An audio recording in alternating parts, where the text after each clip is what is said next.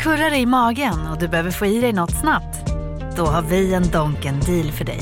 En chicken burger med McFeast-sås och krispig sallad för bara 15 spänn. Varmt välkommen till McDonalds.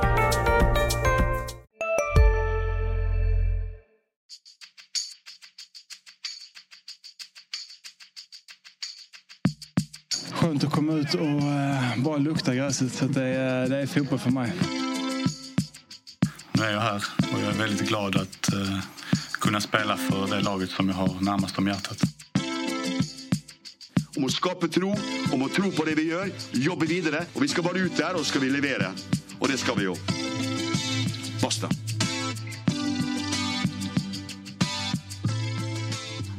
Välkomna tillbaka till MFF-podden. Det här är avsnitt nummer 229. Jag heter Fredrik Hedenskog. Jag har sällskap av Max Wiman och Fredrik Lindstrand. Hej på er! Hej hej! Hej hej! Distanserat sällskap som vanligt. Ja, som vanligt. Um, men det, har man, det är ju det som är sällskap nu för tiden. Man får nästan inte säga det. Vi har vant oss. Ja. Eh, idag ska vi prata om en eh, först och främst om en, ja, man skulle kunna kalla det en, en riktig höstmatch. Som hade ganska mycket ändå. Alltså Malmö FF, IFK Göteborg. Det var eh, regnrusk och det var coronaåterbud och det var fina anfall och det var ett straffmål av MFF. Ett halkmål. Lite krampkänning. Och sen också till och med en, i slutet en, en bekräftad, verifierad Rasmus Bengtsson observation. Det var ju, för att inte tala om fembackslinje. Det hände mycket. Ja, och, Ja, det hade- 80-talisterna är sällsynta fåglar nu för tiden. ja. Um, och jag vet inte riktigt i vilken, ände- alltså, vilken ände vill ni börja? Jag tänkte bara konstatera att det, jag är inte helt negativ till att det är mer än en månad kvar av allsvenskan. För att det är de här riktiga höstmatcherna, det är något speciellt.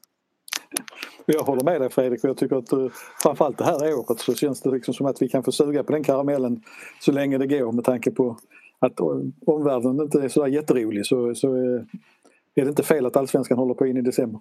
Ja, speciellt med tanke på att den nog gör ett längre uppehåll efter december också. Vi ska nog inte räkna med att den går igång i början av april igen. Nej, det är nästa spännande fråga var den hamnar. Eh, Problemet är ju att Uefa fortfarande vill spela ett EM nästa sommar och frågan är hur länge man kan vänta men jag tror väl som du Fredrik, jag tror väl att man kommer att försöka dra på det så länge som möjligt för att i april tror jag inte man har såna, några större mängder åskådare på läktarna i alla fall. Om vi eh, tar eh, matchen Där stack vi framåt liksom. Vi Ja, men det går bra. Det är bara, vi kan, jag, var inte alls, jag var inte alls beredd på det. Jag har inte ens funderat på det. på nästa säsong. Men vill ni prata mer om det så kan vi göra Nej, vi, vi kan spara lite sent. Vi kan återkomma till det. Ja. Ehm, om man tar själva matchen då så eh, kan man ju, MFF har ju startat bra ganska förhållandevis många matcher den här säsongen. Ehm, frågan är om inte detta var en av de eh, mer avancerade rivstarterna. I alla fall utdelningsmässigt. Hade de inte en match där de hade mål under en halv minuten? Eller jag glömmer jag. Ja, alltså en av dem mer. Jag vill Ja. inte... Nej.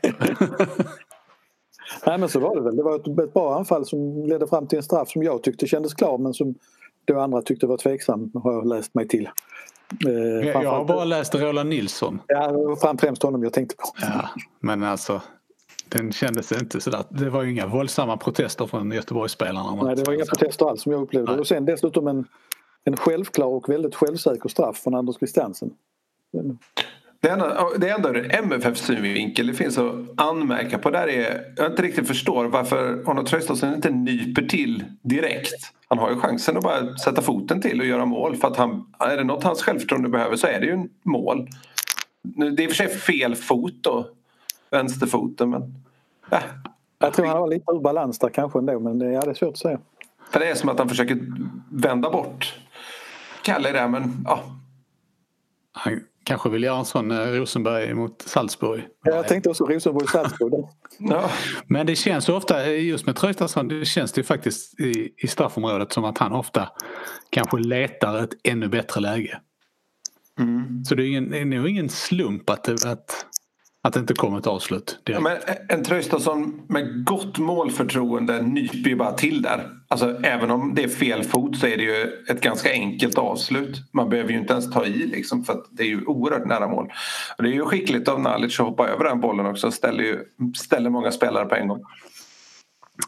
Nu blev det ju mål ändå. Så, att, så blev det. Kanske MFFs mest behärskade straff på den här sidan millenniet höll jag på att säga. Nej, men det, det var väldigt lugn och fin in till hörnet, inga konstigheter. Vi gamlingar säger sin Bosses tid.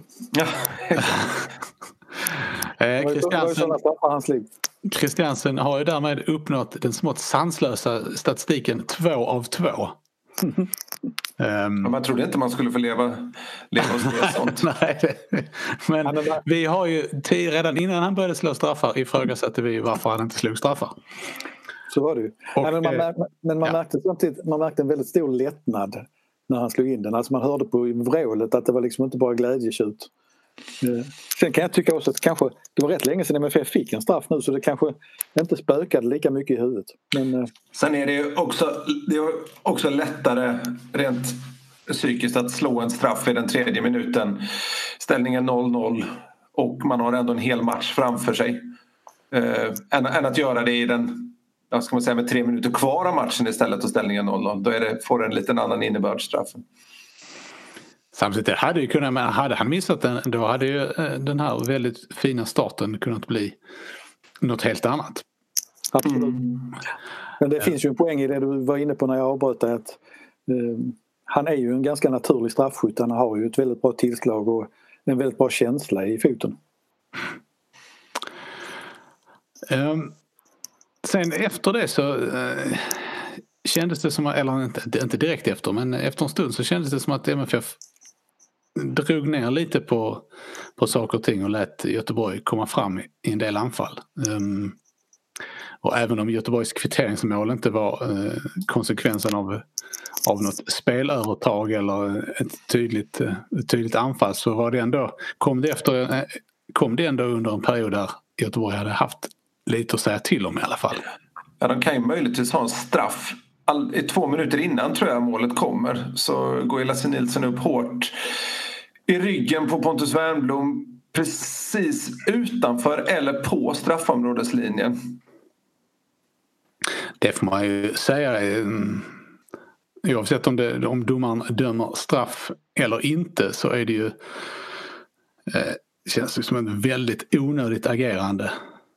Att gå in så hårt i ryggen på en felvänd spelare som är nästan utanför straffområdet och riskera att få en straff mot sig. Det är lite typiskt Lasse Nilsson att göra sådana aktioner. Sen fick jag bara en känsla av att eftersom Pontus Wernbloom då av alla människor inte protesterade det minsta så var det kanske ingenting. Men jag kan inte säga att jag såg det på priser ens vad det, om det skulle varit något. Nej, det är svårt att veta hur mycket han förstärker och hur mycket kontakt det är. Och, ja, det, är en väldigt svår situation att bedöma överhuvudtaget. Det, det pratades mycket fram och tillbaka. Skulle det varit straff om det var en avblåsning och så vidare med tanke på just exakt var det hela skedde.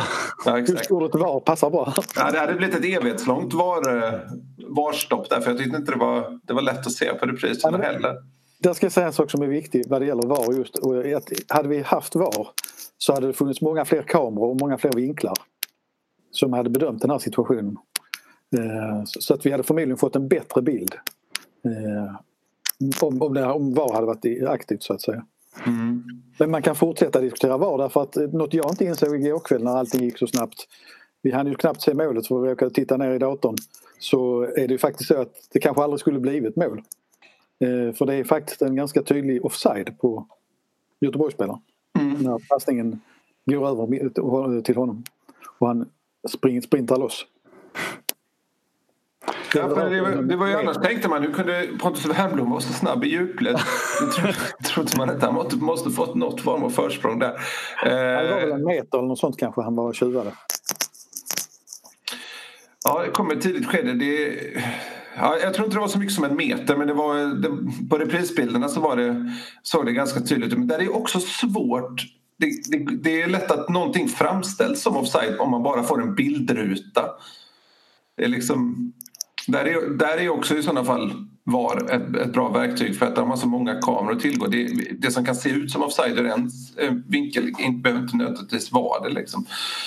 Men eh, absolut. Men den, jag hänger inte med där riktigt Fredrik. När du säger bildruta, alltså... Du alltså det är en sån freeze frame så att säga. Ja.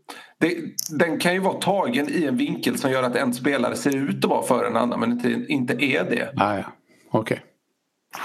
De behöver liksom dra i reglaget fram och tillbaka och, och kanske få det i något annat perspektiv också för att kunna se tydligt. Men sen nästa sekvens i det här fallet tycker jag målvaktsheden ska få försöka reda ut för oss. Ja, men alltså.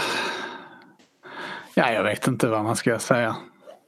Det, det är ju lite som eh, när Berang Safari snubblar på bollen i cupfinalen. Det, alltså det, är, det är sånt som kan hända. Eh, men det är ju för att han kommer fel ut ju. Eh, måste, ja, skulle, han ut, skulle han ut Ja, alltså. Jag menar springer han bara. Han missberäknar ju studsen lite. Den glider ju såklart i gräset. Alltså jag har inget, inga synpunkter på att han går ut där egentligen. Det är ju det att han, han misstajmar sin löpning och försöker korrigera den och då trillar han. Eh, jag tycker att det är bra. Vi, är det någonting som, som Marco Johansson har behövt jobba på så är det att spela längre ut från målet, tycker jag. Mm. Så att man, jag hoppas att det här inte får honom att omvärdera det. Sen tycker jag att det är lite, Däremot så tycker jag att samarbetet mellan honom och Anel Ahmedhodzic sen i samband med Wernbloms avslut inte är särskilt bra för att Marco Johansson är ju nästan tillbaka och täcker större delen av målet utom precis första stolpen. Eh, den luckan eh, öppnar ju, eller släpper ju Ahmedhodzic när han försöker glida med och täcka så stor yta som möjligt att det blir plats mellan benen.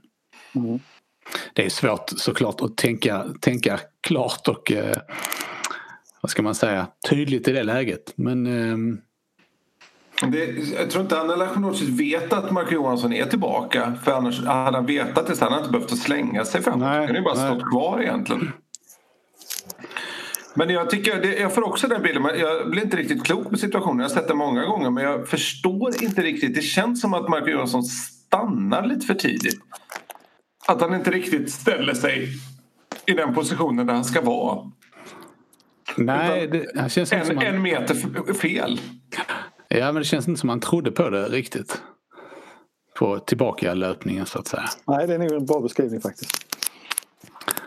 Han såg ju, det var väl efter att han hade sett Wernbloom löpa loss så djupled så tänkte jag han är skitsnabb. Han hinner aldrig tillbaka. Jag tror snarare det att han väntar på ett inspel. Att det ska komma någon, att Wernbloom ska spela in bollen centralt igen. Vilket ju är det mest väntade egentligen i det ja. läget. Det är ju ett jäkla bra avslut. Han hittar ju perfekt in vid första stolpen. Det kunde inte varit, det finns ju ungefär en lucka på en sån 15 centimeter han kastar ja. in bollen och det gör, där träffar han ju perfekt. Ja, vad kul det här Värmlund-podden. Ja. men, eh, men ska vi, det var ju, e- efter det målet så såg man ju inte till Wernbloom förrän han byttes ut egentligen. Nej. Nej, man ser väl inte till Göteborg överhuvudtaget. Man ska Nej, det var inte mycket med dem alltså.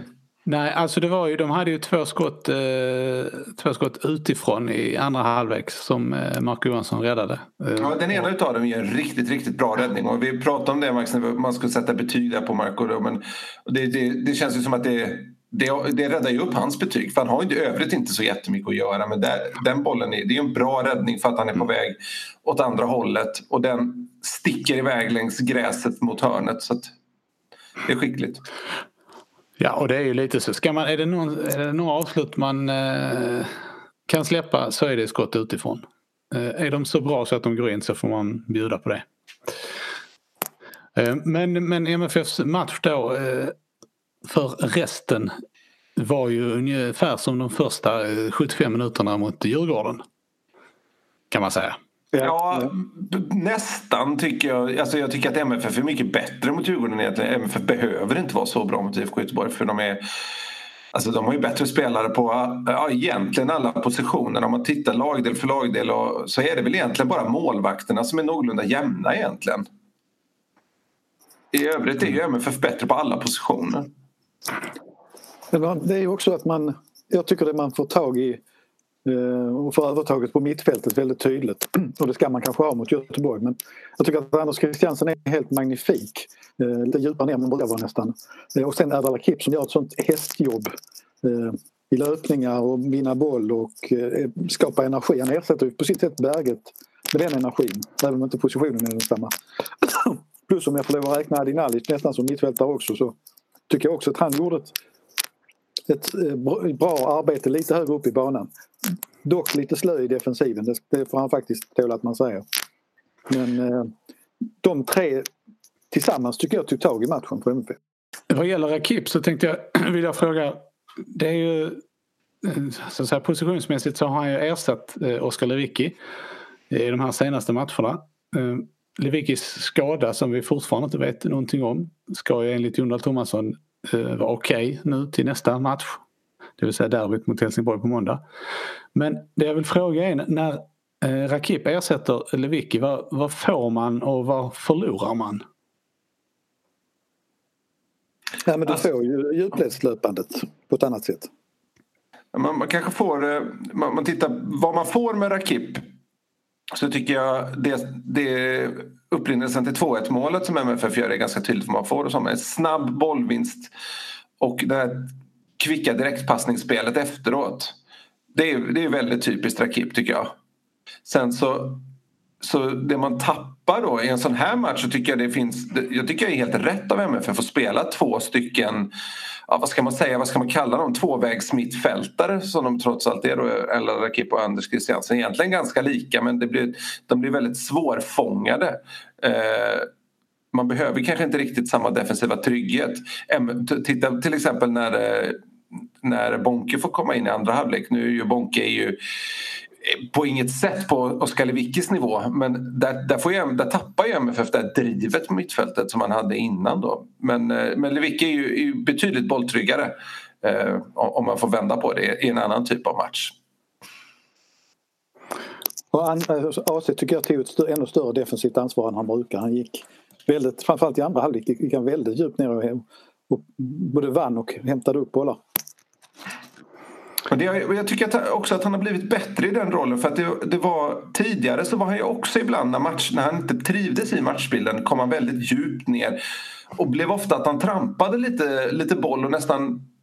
Alltså, han drev inte upp tempot så mycket som MFF vill. Där är ju Jon Thomasson väldigt, väldigt noggrann med att han vill ha fart på bollen även från de positionerna. Man ska liksom inte stå med bollen på mittfältet och titta höger, titta vänster, leta efter den bästa passningen utan man ska liksom sätta fart på bollen fort.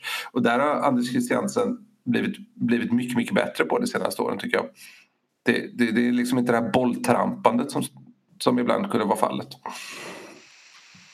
Om man kort blickar framåt mot, mot eh, derbyt då på måndag. Om det är som Thomasson säger att Lewicki är okej okay och tillbaka och spelklar. Ska han spela i den matchen eller ska man köra vidare då med med Rakip och Christiansen?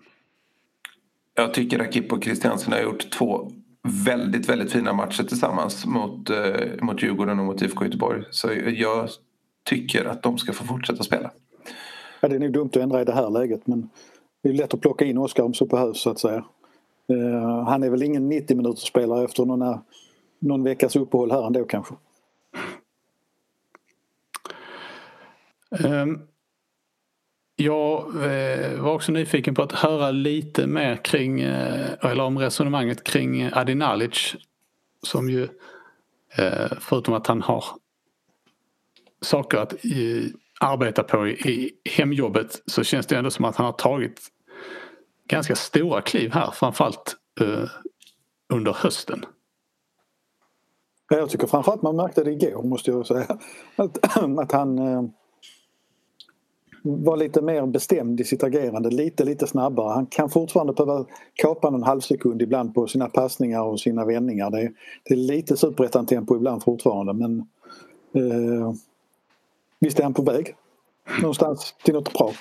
Han är, han är en fascinerande spelare på det viset att han, att han kan göra vissa saker som ser det, som ibland kan se lite oskickliga ut. Att han tappar bollen och får den lite för långt ifrån sig ibland. Och har inte riktigt det split vision som man kanske behöver. Men han har ju den här speciella förmågan att vara på rätt plats och att ligga bakom poäng. Det är han som slår det här skottinlägget som Ola Toivonen gör 2-1 på till exempel. Det är, det är ju liksom, det är, jag tror inte det är så att han nödvändigtvis ser Ola Toivonen vid bortre stolpen utan det är en känsla av att där ska han sätta in bollen hårt liksom, för där borde det vara någon. Sen det, slår han ju också inlägget eh, efter en bra fint eh, till, till 3-1 också. Så att det, och, och, han gör, hoppar över eh, bollen till, till stra, innan straffen som leder till 1-0. Att, att han, är, han är jäkligt med i situationerna där det händer. Och det ja, man, det är den bästa egenskapen man kan ha hos en toppstriker. Känns också som att han har här på sista tiden lärt sig lite mer eller blivit bättre på närkampsspelet. Han vinner lite fler närkamper än vad han gjorde ja, tidigare. Sen vet jag inte, jag tyckte nästan han blev bättre ändå när eh, Thelin kom in och var där i mitten där framme. Jag ser inte honom riktigt som den här spelaren som jag vill se längst fram i mitten men det, det, det är kanske en felaktig syn från min sida. Eh, vad gäller Thelin då, eh, Fredrik, du tyckte att, eh, skrev i din eh, krönika efter matchen att eh, du gör vissa eh, tolkningar av situationen. ja men när, när man har lagets bästa målskytt eh, tillgänglig och inte välja att spela honom. Även, det, det är ju trots allt en match. Med... Har du också valt att bli egen? Då är det viktigt att skaffa en bra företagsförsäkring. Hos oss är alla småföretag stora och inga frågor för små. Swedeas företagsförsäkring är anpassad för mindre företag och täcker även sånt som din hemförsäkring inte täcker. Gå in på swedea.se företag och jämför själv. Hej, Synoptik här. Hos oss får du hjälp med att ta hand om din ögonhälsa. Med vår synundersökning kan vi upptäcka både synförändringar och tecken på vanliga ögonsjukdomar. Boka tid på synoptik.se. Tyngd i IFK Göteborg hemma. Även om IFK Göteborg är på ett helt annat ställe än vad de har varit de senaste åren.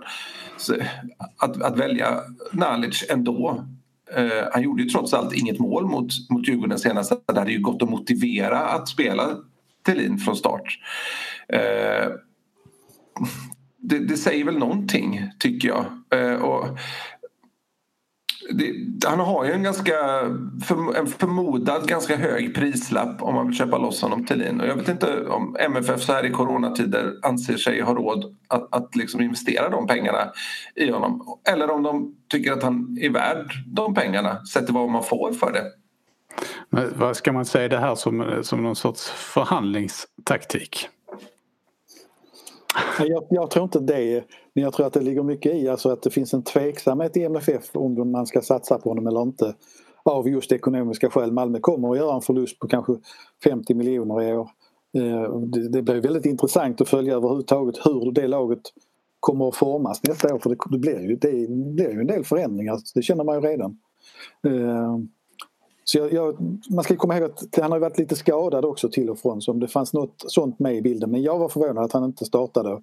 Det är ju möjligt att det finns någon mer tanke bakom men jag tror det handlar mer om en, en osäkerhet om hur, hur Malmö ska ha råd att forma sitt lag till nästa år faktiskt.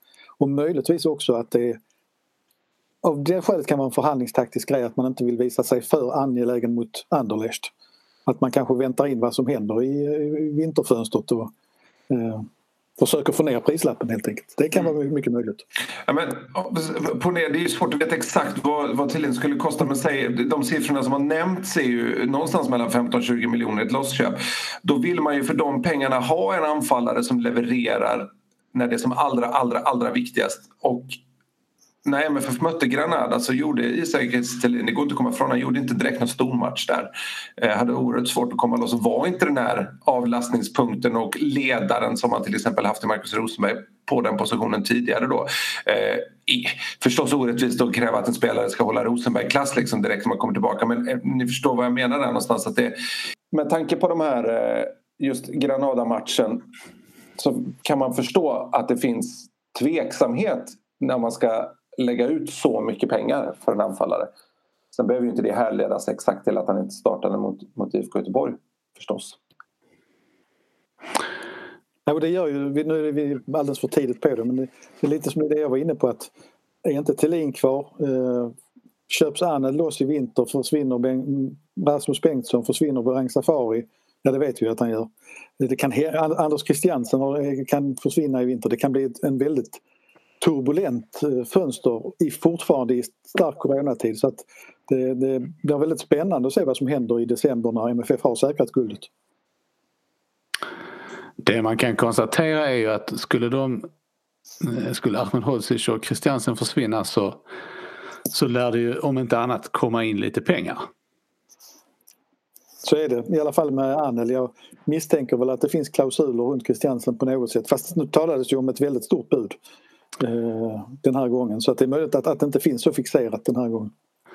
Ja, eh, MFF eh, och Anders Christiansen eh, tackade ju nej till ett bud från Saudiarabien som enligt uppgifter var värt ungefär 30 miljoner kronor. Eh, vad säger det ett år som detta när, när MFF ändå, eh, som du sa Max, eh, kommer att gå 50 miljoner back? Att de inte hade råd att tacka ja. Eh, att de, att de, de, de insåg risken att tappa ett, ett SM-guld som kan betyda oändligt mycket mer pengar nästa år. Skulle jag vilja säga. Eh, man kan ju också om man är lite eh, man kan också tänka att hade budet, ett liknande bud kommit från en annan liga så kanske eh, huvudpersonen själv hade varit mer intresserad. Det är möjligt. Det pratas ju med väldigt hög lön nu, det har jag ingen aning om. Men Saudiarabien de betalar ju väldigt mycket där borta men Anders Christiansen kanske någonstans har lite högre ambitioner än så fortfarande med tanke på hur duktig han är. Han är ju ändå och tangerar och är uttagen i danska landslaget och då ska man nog inte spela i Saudiarabien kanske. Fredrik, du berörde ju eh, 2 innan med, med Nalic framspelning där till, till Toivonen. Men det var ju eh, ett av många MFF-anfall denna säsongen där bollen har gått eh, väldigt snabbt och det har varit väldigt liksom, eleganta anfall som i alla fall för många allsvenska lag nästan inte går att försvara sig mot. Ja, men det är ju det, det är den fotbollen Jon Thomasson vill spela. Och nu har ju spelarna lärt känna varandra bättre där framme och då, då, då, händer, då händer det där oftare. Det var ju ett väldigt snyggt mål Toivonen visar ju en otrolig känsla. Han var ju eh, ärligt och helt övertygad om att han var på rätt sida. Han, han vände sig till och med om och pekade mot, pekade, mot ja. den spelaren som upphävde offsiden. då vet man att man är rutinerad när det kommer till att eh, samtala med domaren när man till och med som målgest har ett domarsamtal det är, liksom, det är en, en nivå över de flesta andra. Ja, det var så fascinerande också för Göteborg protesterade ju väldigt kraftigt och var ju helt övertygade om att det var offside men de, det, det, det, slutade väldigt tvärt när eh, man av någon anledning lät tv-bilderna rulla vidare och strecket drogs mycket tydligt på storbildsskärmen. Och eh, man såg att han inte var offside. Vi trodde ju, jag satt eh, precis bakom domarkontrollanten eh, eh Ingvarsson eh, och eh, han var ju också övertygad om att det var offside men så fort han ser reprisen så visste han ju att han sa att det är ett fantastiskt domslut från assisterande domaren att inte vinka. Och denna assisterande domare som medan reprisspelarna kom fick sig en ordentlig avhyvling av Pontus Wernbloom som sa att den här får du ta på dig! sa han något mer sen? Nej, han sa väl inget mer efter det. Jag har aldrig sett protester ta, ta, slut så snabbt som de gjorde efter, efter att den bilden kom upp på skärmen. För det, det, var liksom, det fanns inte mer att tillägga. Eh, sen eh, kändes det ju eh, ärligt talat som att resten av matchen var någonting som MFF spelade av mer eller mindre. Ja, men så var det ju. Det man kände, jag körde ju direktrapporteringen och supportrarna vid vid datorer och tv-apparater var ju väldigt oroliga att liksom det skulle klappa igenom som mot Djurgården men det var ju aldrig på väg åt det hållet. Och Göteborg hade ju inte den Trots att de bytte väl in fem man i rask takt faktiskt. Ja, ett trippelbyte på... Ett dubbel och ett trippel. Ett ja. dubbel och ett trippel ja, och det hände ju ingenting direkt efter det trots att det var rätt starka namn de fick in faktiskt. Ehm, det, var, eh, det fanns någon sekvens där någonstans runt minut 80 där det faktiskt såg lite, lite virrigt och stressat ut i MFFs straffområde. Där eh, jag fick känslan av att det ändå fanns lite tankar eh, på det som hände senast. Där det tog lite, där de inte liksom lyckades riktigt spela sig ur, ur straffområdet som de, som de ville. Ja, det kan ju stämma ja. Mm. Och det var ju intressant att Gunvald Thomasson för första gången i år, tror jag i alla fall om jag inte missminner mig, väljer då att gå ner på en, en fembackslinje. Om, om man räknar bort de här matcherna mot Wolfsburg då. Ja, det kändes ju som ett väldigt smart drag att göra det måste jag säga. Det, det, det, det var ju en mental signal också att nu stänger vi det här. Ja. Vad kan man kan man dra några som helst slutsatser av, att, av det faktum att Rasmus Bengtsson fick komma in? Eller är det liksom så långt, det är förklaringen så enkel som att de, eh, ja, alltså Frans Brorsson blev sjuk, lämnade återbud och eh, om man nu skulle stänga i slutet så fanns det inga andra mittbackar. Det hade funnits på Safari möjligtvis men det hade väl inte varit så smart mot just Göteborg just med tanke på vad som hände där uppe i cupfinalen. Så att det var väl... Jag undrar om inte... Jag tror det faktiskt det var två saker. Det, det var inte så att de var extremt pressade. Jag, liksom Bengtsson var det naturliga valet givetvis. Men det var kanske också ett lite, vad ska man säga, psykologiskt val. Kanske inte så mycket mot Bengtsson men kanske mot sig själv för Jon Dahl Tomasson. Att minsann, nu ser ni att jag släpper in honom. För jag är helt övertygad om att han har sett och hört kritiken av att Bengtsson har varit helt borta från spel. Så det var kanske ett rätt skönt tillfälle för honom att göra det. Vad vet jag? Jag vet inte om han, om han funkar så det har jag ingen aning. Var det, såg ni någonting alls i spelet som gick att bedöma, tycker ni? Av Bengtsson? Nej, det, nej. jag kan inte säga det. inte direkt liksom. Nej. Han ser mest lugn och trygg ut när han kommer in. Han hade en missad passning men, men han, eh, han inger trygghet tycker jag när jag ser honom. Mm. När vi sitter här och pratar så är det måndag eftermiddag. Malmö FF har då i talande stund 10 poäng ner till tvåan Häcken. Det kan vara 8 poäng ner till tvåan om Norrköping eller Elfsborg vinner ikväll. Det är fem omgångar kvar. När blir Malmö FF svenska mästare? Vi ska ju säga först då att eh, när du säger att Norrköping eller Elfsborg kan vara åtta poäng efter så har de ju Ja, de har lika många matcher spelade som Malmö då, ja just det. det ja. Eh, så det krävs nio poäng till för Malmö att säkra allsvenskt guld och det, det har jag svårt att se att de kan missa. Eh, det kan faktiskt bli redan mot Sirius nästa helg igen men det dröjer nog någon match till. Mm. Ja, det mesta, mycket talar väl för att det blir den där Hammarby borta. I och för sig inte bara att det är att åka upp till Stockholm och hämta guldet sådär men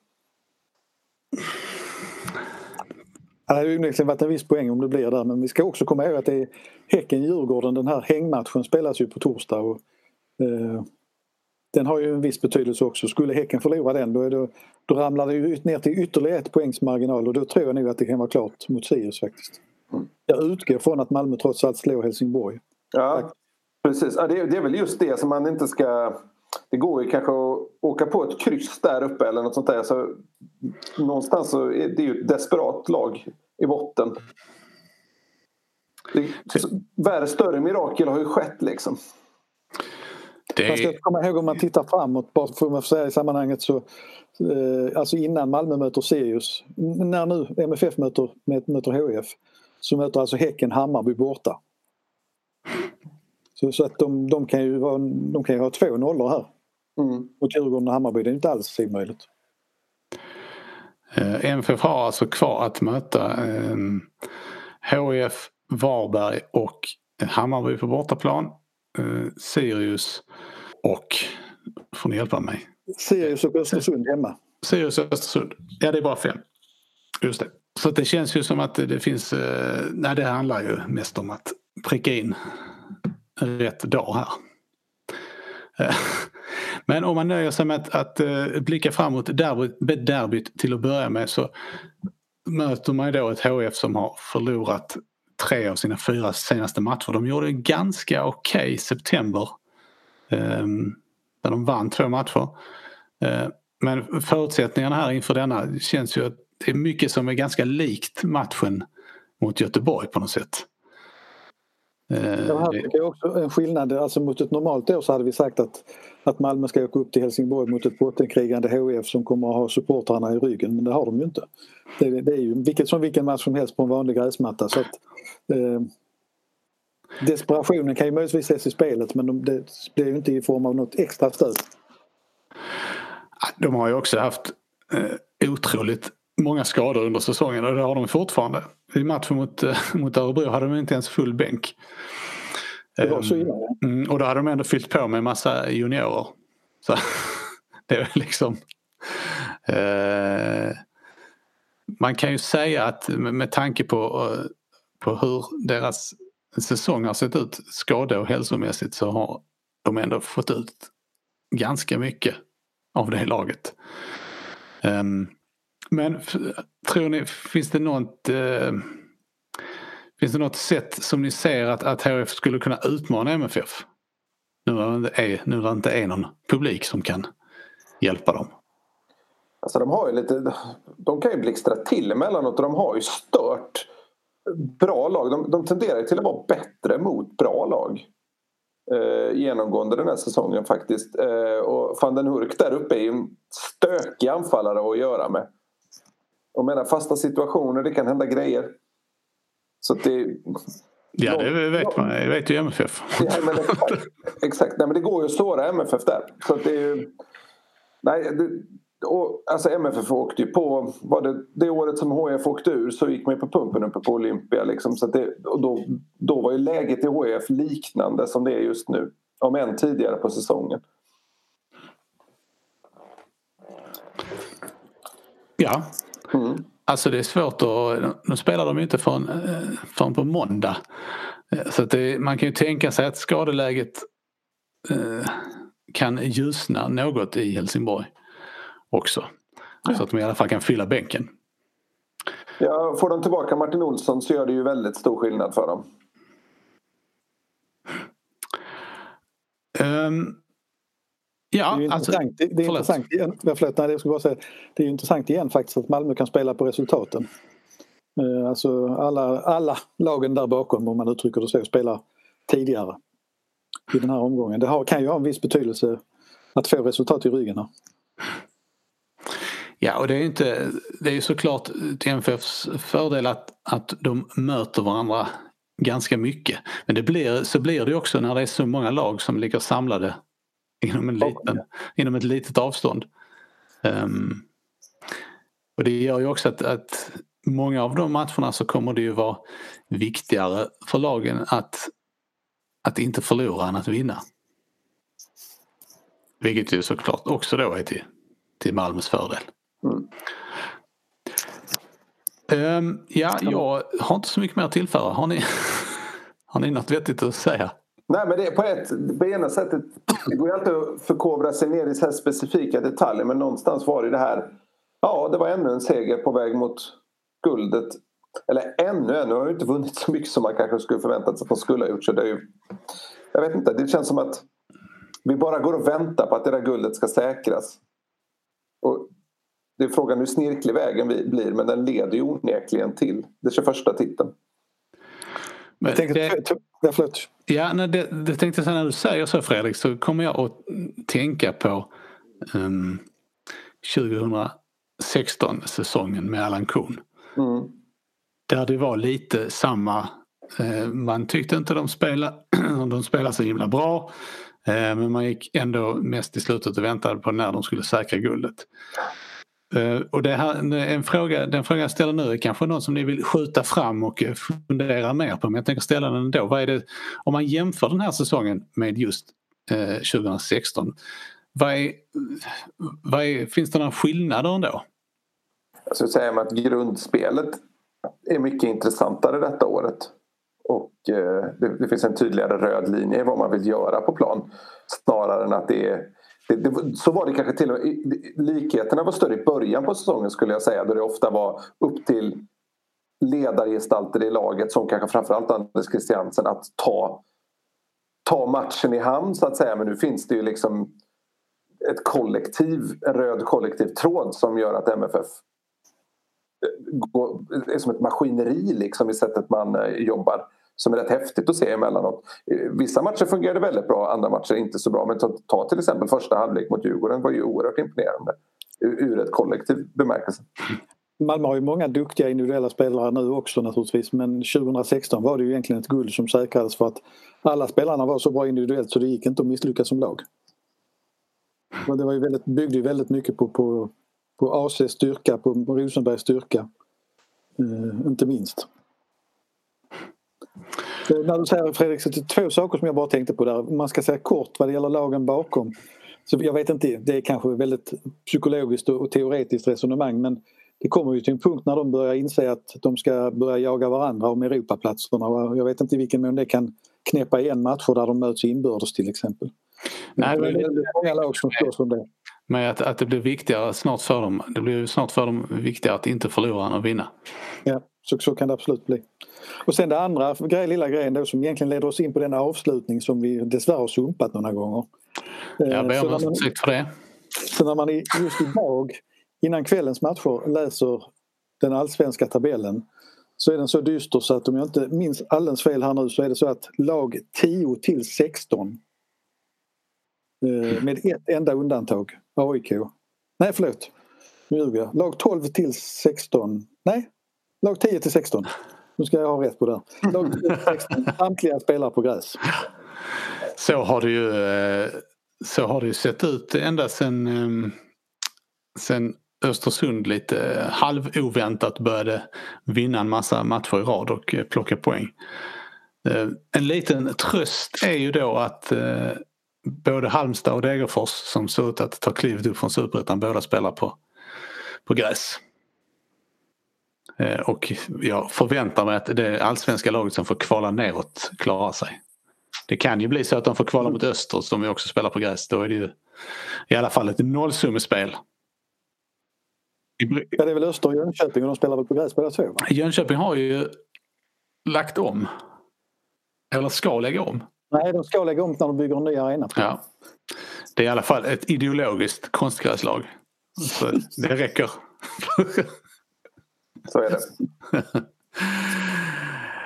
Eh, men eh, med det resonemanget eh, avslutar vi här. Vi kommer säkert att återkomma. Det kanske är så att vi sitter i slutet av november och tänker åh vad det är trevligt med konstgräs. Det går att spela fotboll på det den här tiden på året. Till skillnad, jag gissar att det kommer komma en och annan tungsprungen gräsplan här i slutet. Men det är härligt. Så är det. Det är ju som när Ljungskile kvalade upp till allsvenskan. Den planen ja, ska jag, den ska jag inte bort alltså. Det hade vi inte gjort på konstgräs. Nej, det är helt sant. Det här har varit avsnitt nummer 229 av MFF-podden där vi anser att konstgräs ska förbjudas i svensk elitfotboll. Jag heter Fredrik Hedenskog, jag har haft sällskap av Max Wiman och Fredrik Lindstrand och ansvarig utgivare är Jonas Kanje. Tack för oss, hej hej!